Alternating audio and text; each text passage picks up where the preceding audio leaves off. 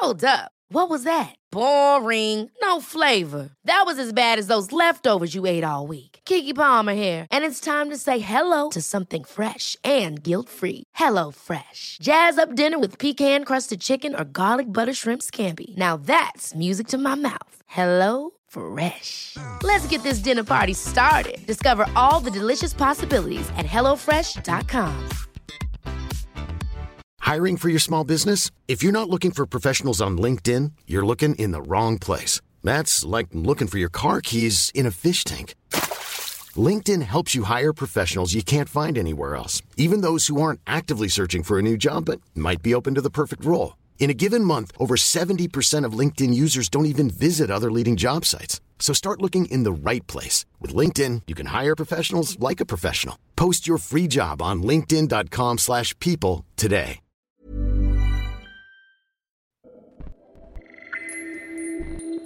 كل خلية بجسمي كانت ترجف حاسة إن أنا عايزة أخرج من جسمي. تجارب وحكايات عن الجسد والذات وما بينهما. هنا شبكة Kerning Cultures تستمعون لبرنامج جسدي. مرحبا. برحب فيكم بالحلقة الأولى من الموسم الرابع من جسدي. أنا المعنتبلي حكاياتنا بهالموسم الرابع عنوانها أجساد عبر الزمن. رح نحكي فيها عن أجسادنا بيوتنا إذا فينا نسميها. بمجرد ذكرت هالعبارة أجساد عبر الزمن خطر ببالي تجليات لا نهائية إلها. طيف واسع كتير من الاحتمالات. هالاحتمالات بعضها مألوف وشائع ومتعودين عليه وبعضها مفاجئ وشرس وممكن يكون مرعب حتى. عبر الوقت والزمن بتختلف استجاباتنا النفسية والجسدية. في شيء له علاقة بالجينات في شيء له علاقة بالحالة النفسية وفي شيء له علاقة بالمحيط. بس دايما في حقيقة وحدة ما بنقدر نتجاهلها إنه نحن عم نتغير. هلأ على قد ما هالشي لما نحكي يمكن عن تغير عقلي عن تغير نفسي ممكن يكون مؤشر إيجابي بدل على نضج على تمرس بالحياة. بس لما نحكي على مستوى جسدي ممكن يكون مؤشر على أمور ما دايما فينا نعتبرها إيجابية. ويمكن ما دايما بيكون سهل علينا أنه نحن نتقبلها أو حتى نلاقي طرق لنتعامل معها. بحكايتنا بهالحلقة رح نسمع من بطلتها تجربتها مع إحدى علامات التقدم بالسن الأكثر شيوعا ويمكن الأبسط على الإطلاق. هلأ الأبسط من ناحية تأثيرها الجسدي يلي فينا نقول إنه يكاد يكون معدوم بس تأثيرها النفسي والاجتماعي هائل بتبعاته خاصة إذا بلشت هالعلامة تظهر قبل بوقتها المتوقع قبل بكتير. مثل ما صار مع بطلة حكايتنا. خلينا نسمع الحكاية الأولى من الموسم الرابع من بودكاست جسدي. عندما خذلني الميلانين.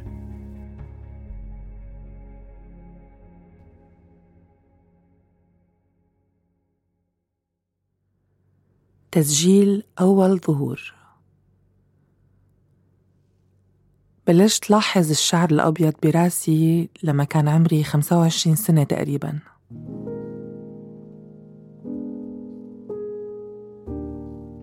بوقتها الشعرات البيضة كانت مختلفة عن الشعرات التانية. ناشفة وبتحسها عنيدة وبدها تضل لحالها. ما أنا منسجمة مع شعري الأسود الغامق المجعد يلي ورثته عن أبي وأمي.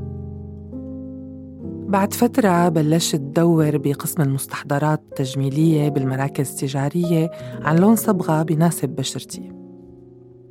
هلأ عم بكتب هاي السطور وعم بتذكر إنه بالأساس كان عندي مشكلة مع لون بشرتي وكنت عاني كتير بفترة مراهقتي وفترة الجامعة مع أطباء الجلدية. روح لعندهم على العيادات ودور على علاج لبشرتي السمراء. يلي كنت بدي أحولها لبشرة بيضة حلوة. نرجع لموضوع الصبغة. بوقتها كنت خلص استسلمت إني رح ضل سمرة كل عمري وإنه هلأ لازم أختار لون صبغة بتناسب لون بشرتي. بعد ما استشرت كل رفقاتي البنات كل الاقتراحات رست على أنه لازم أعمل شعري أفتح شوي من لون شعري الحقيقي. قالوا لي أنه اللون البني بيلبق للبنات السمراء أكثر من الألوان الغامقة لأنه الألوان الغامقة رح تطلع بشرتي أغمق لسه. هيك فهمت منهم يعني. طبعا ما تقيدت بالنصائح وبلشت لون شعري لحالي بالبيت. كنت كتير عم بتسلى بهالشي وعم بعمله كل فترة حسب مزاجي. بتذكر مرة كنت عم بحكي مع ستي فيديو كول ولما شافتني علقت على الموضوع وقالت إيه ليش لا؟ صبغي. أصلا الصبغة صارت موضة. وهيك بلشت جرب ألوان مختلفة من الصبغة كل فترة. والحقيقة أنه النتائج ما كانت تشبه أبدا الصورة يلي محطوطة على علبة الصبغة. بس أنا ما كتير فرق معي هالشي. لأنه كنت وقت عايشة باليابان بعيدة عن مجتمعي وثقافته وأكيد ساعدني هالشي أنه أخلص من تعليقات كتيرة كنت رح أسمعها على شكلي وأسلوب حياتي لو كنت عايشة بسوريا. باليابان كنت حاسة أني أنا لا مرئية. ببكي وأنا قاعدة بالباص وما حدا بيلاحظ.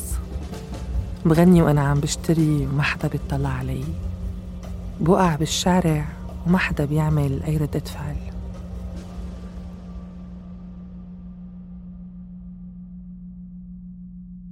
علاقتي بالحلاقين.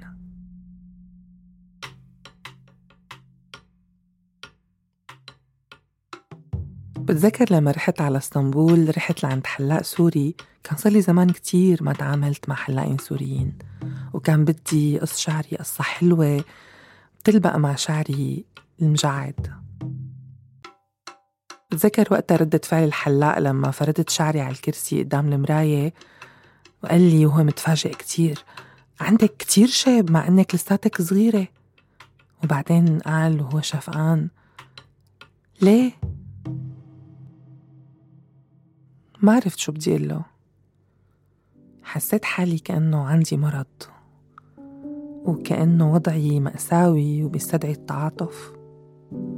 المهم طلعت من الصالون بشعر آخر موديل لونه بني حلو كتير. باسطنبول بلشت لاحظ إنه بلش يطلع بشعري خط رمادي بمنطقة معينة بنص راسي.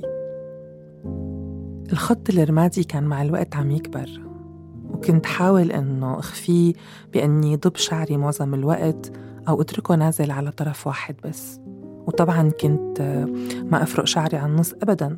لأنه المنطقة هاي الرمادية المثيرة للشفقة كانت رح تبين أكتر. وصرت روح لعند الحلاق مو بهدف التسلية وتغيير موديل الشعر بس بهدف أنه أخلص من الشي اللي عم يحسسني بالضعف. كرهت الحلاقين عموما وصرت روح على الصالون كأني رايحة أعمل واجب. بطل عندي نفس الحماس يلي كان عندي لما كنت روح أصبغ شعري قبل ما يكون عندي شعر أبيض. بلشت أدور على جوجل وأقرأ عن أسباب الشيب المبكر. بتلعب العوامل النفسية أثر كبير بارتفاع هرمون الكورتيزول لما الإنسان بيتعرض لضغط نفسي وهالشي بيأثر على إنتاج المادة الصبغية الميلانين بالجلد والشعر. وطبعا العوامل الوراثية إلها دور كبير. بتذكر ماما مرة قالت لي إنه بلشت تصبغ شعرها لما كانت بالثانوي. لما دورت كمان لقيت أنه التعرض للصبغات الكيميائية بشكل مكثف بتأثر على إنتاج الميلانين الطبيعي بالشعر وبتضعفه وبتخليه عرضة للجفاف والتقصف. بلشت مل من أني روح كل شهر لعند الحلاق مشان أصبغ شعري.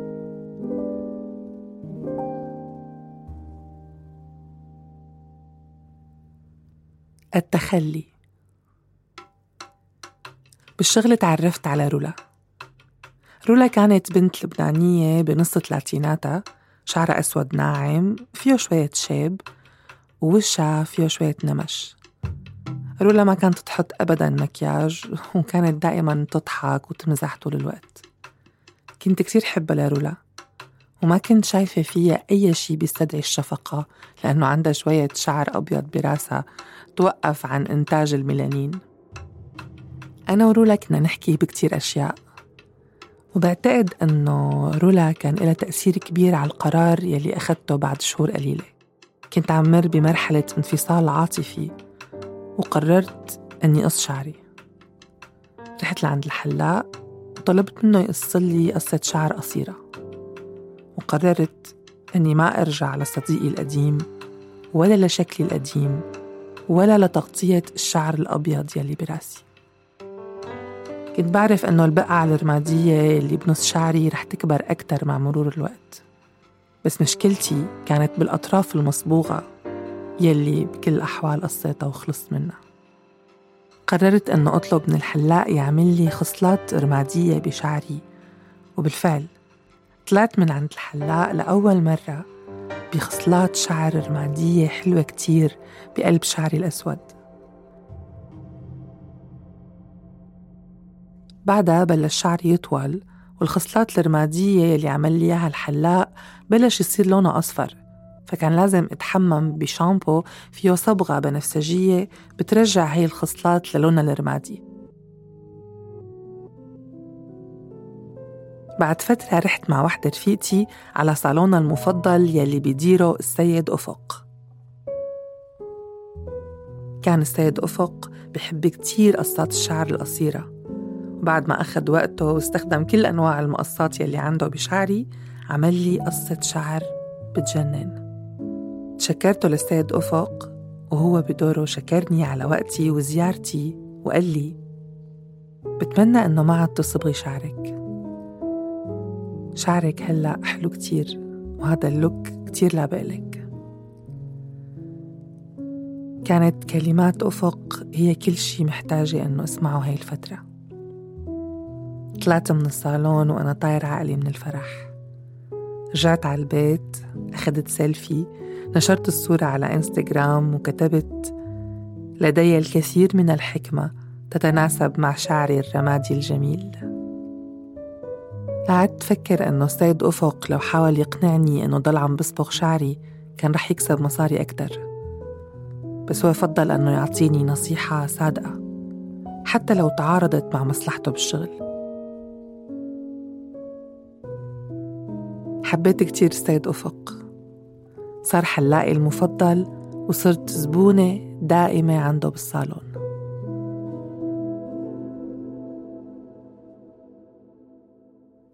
شكلي الجديد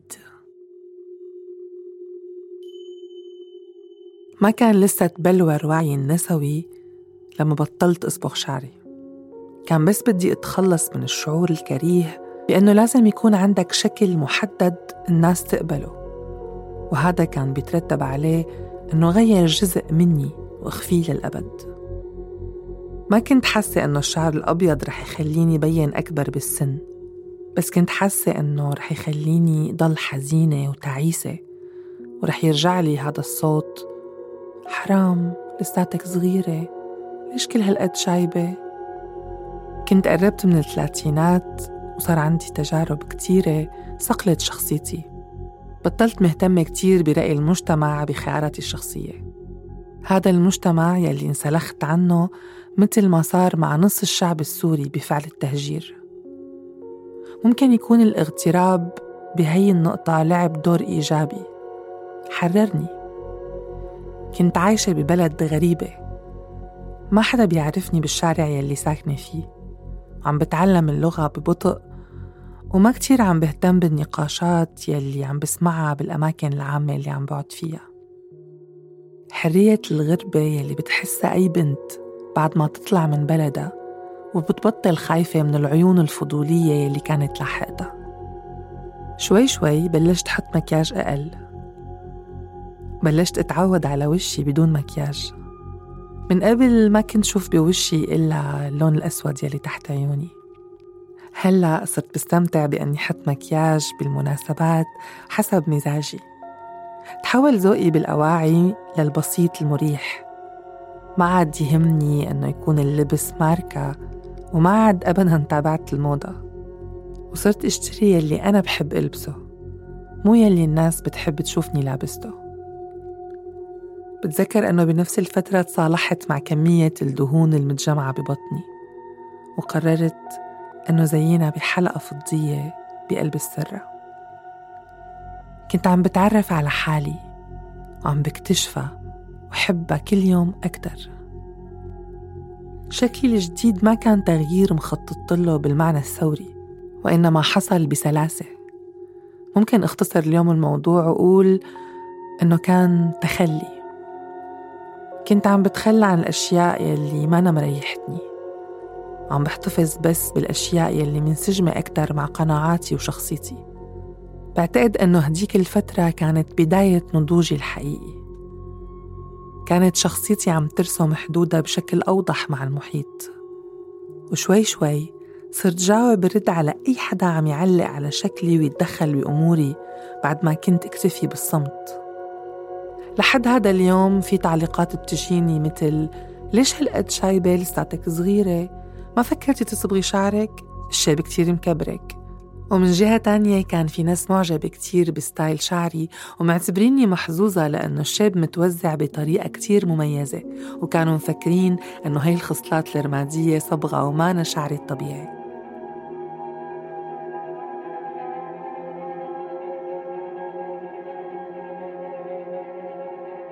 الحقيقة التي نكرهها. بعد ما تجاوزت الاكتئاب يلي كان بعد الانفصال العاطفي دفعت من أول وجديد ودخلت بعالم السناجل. بلشت دور على حب جديد وبوقتها التقيت برجل توكسيك تاني. بعد فترة قصيرة اكتشفت قديش نحن مختلفين. بنهاية وحدة من الجدالات الكتيرة اللي كنا منضل عم نخوضها مع بعض نصحني وهو عم يتمسخر بأنه أصبغ شعري. لأنه الزلمة برأيه بيفقد انتصابه لما بيشوف الشعر الأبيض برأس المرأة. للمفارقة هذا الزلمة نفسه كان عنده شعر أبيض برأسه مع أنه ما كان أكبر مني بكتير. قلت له أنه أنا ماني كتير مهتمة برأيه وأنه مشاكل الرجال مع الانتصاب هي آخر قضية مهتمة إني أتبناها.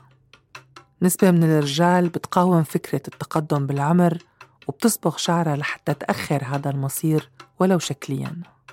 أما النساء المحاصرات بفكرة أنه للمرأة في فترة صلاحية رح تنتهي مع انتهاء فترة الخصوبة فالشاب بصير تهديد حقيقي لمعنى أنوثتهم هي المعايير الذكورية حول جمال النساء وأشكال أجسادهم نتعرض لها كل يوم بالدعايات والإعلانات بطرق كتيرة. كل شي حوالينا بخلينا نكره أشكالنا ونخجل منها ونخبيها ورا الفلاتر. الثقافة الاستهلاكية اللي حوالينا بتسهل أنه نقع بسباق ما بينتهي من المحاولات أنه نحصل على شعر أنعم بشرة أفتح شفايف معباية أكتر ورجلين نحيفة وأصداء ممتلئة أكتر. بمقابل كل هذا الضغط بحاول أنه أنجو بنفسي. بحاول دائما أنه أختار التخلي.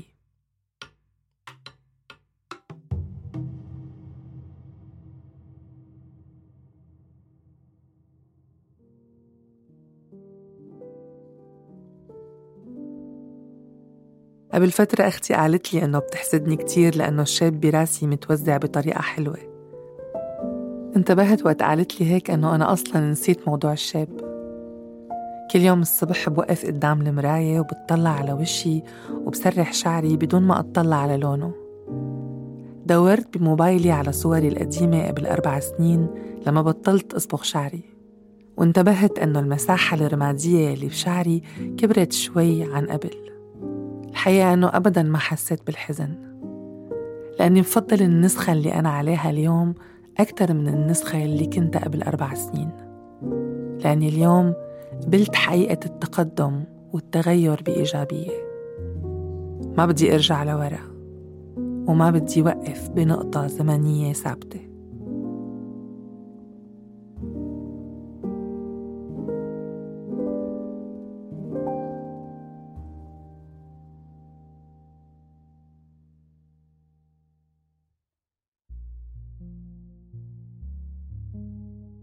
شكر كتير كبير لبطلة حكاية حلقتنا الأولى نسمة حديد على مشاركة قصتها معنا. وشكر للفنانة السورية نندا محمد يلي أدت الحلقة صوتياً. وشكر كتير كبير على المتابعة منا نحن فريق الإعداد نيما صالحة شهد بني عودة رند خضير وأنا ألمعن تبلي ومن فريق الصوت بول ألوف ومن التسويق سمية أبو عبد الله التصميم الجرافيكي لهالموسم من جسدي لأحمد سلهب. أما صور الحلقات فلدينا سالم. إذا حبيتوا حكاية اليوم ما تنسوا تشاركوها وتقيموها لنقدر نوصل لعدد أكبر من الأشخاص المهتمين. انطرونا الخميس اللي جاي بحلقة جديدة ضلوا بخير.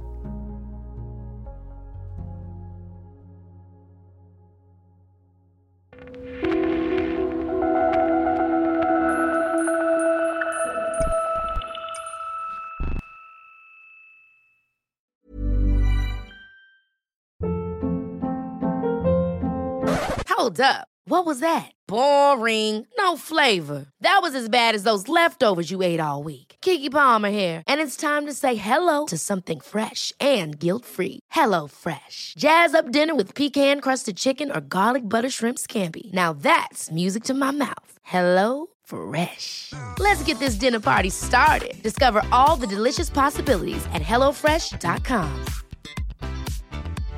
How would you like to look five years younger? In a clinical study, people that had volume added with Juvederm Voluma XC in the cheeks perceived themselves as looking five years younger at six months after treatment. Look younger, feel like you. Add volume for lift and contour in the cheeks with Juvederm Voluma XC. Reverse signs of aging by adding volume to smooth laugh lines with Juvederm Volure XC. For important safety information and to find a licensed specialist, visit juvederm.com. That's J U V E D E R M.com. Not for people with severe allergic reactions, allergies to lidocaine, or the proteins used in Juvederm. Common side effects include injection site redness, swelling, pain, tenderness, firmness, lumps, bumps, bruising, discoloration, or itching. There's a risk of unintentional injection into a blood vessel, which can cause vision abnormalities, blindness, stroke, temporary scabs, or scarring. Talk to a licensed specialist to find out if it's right for you.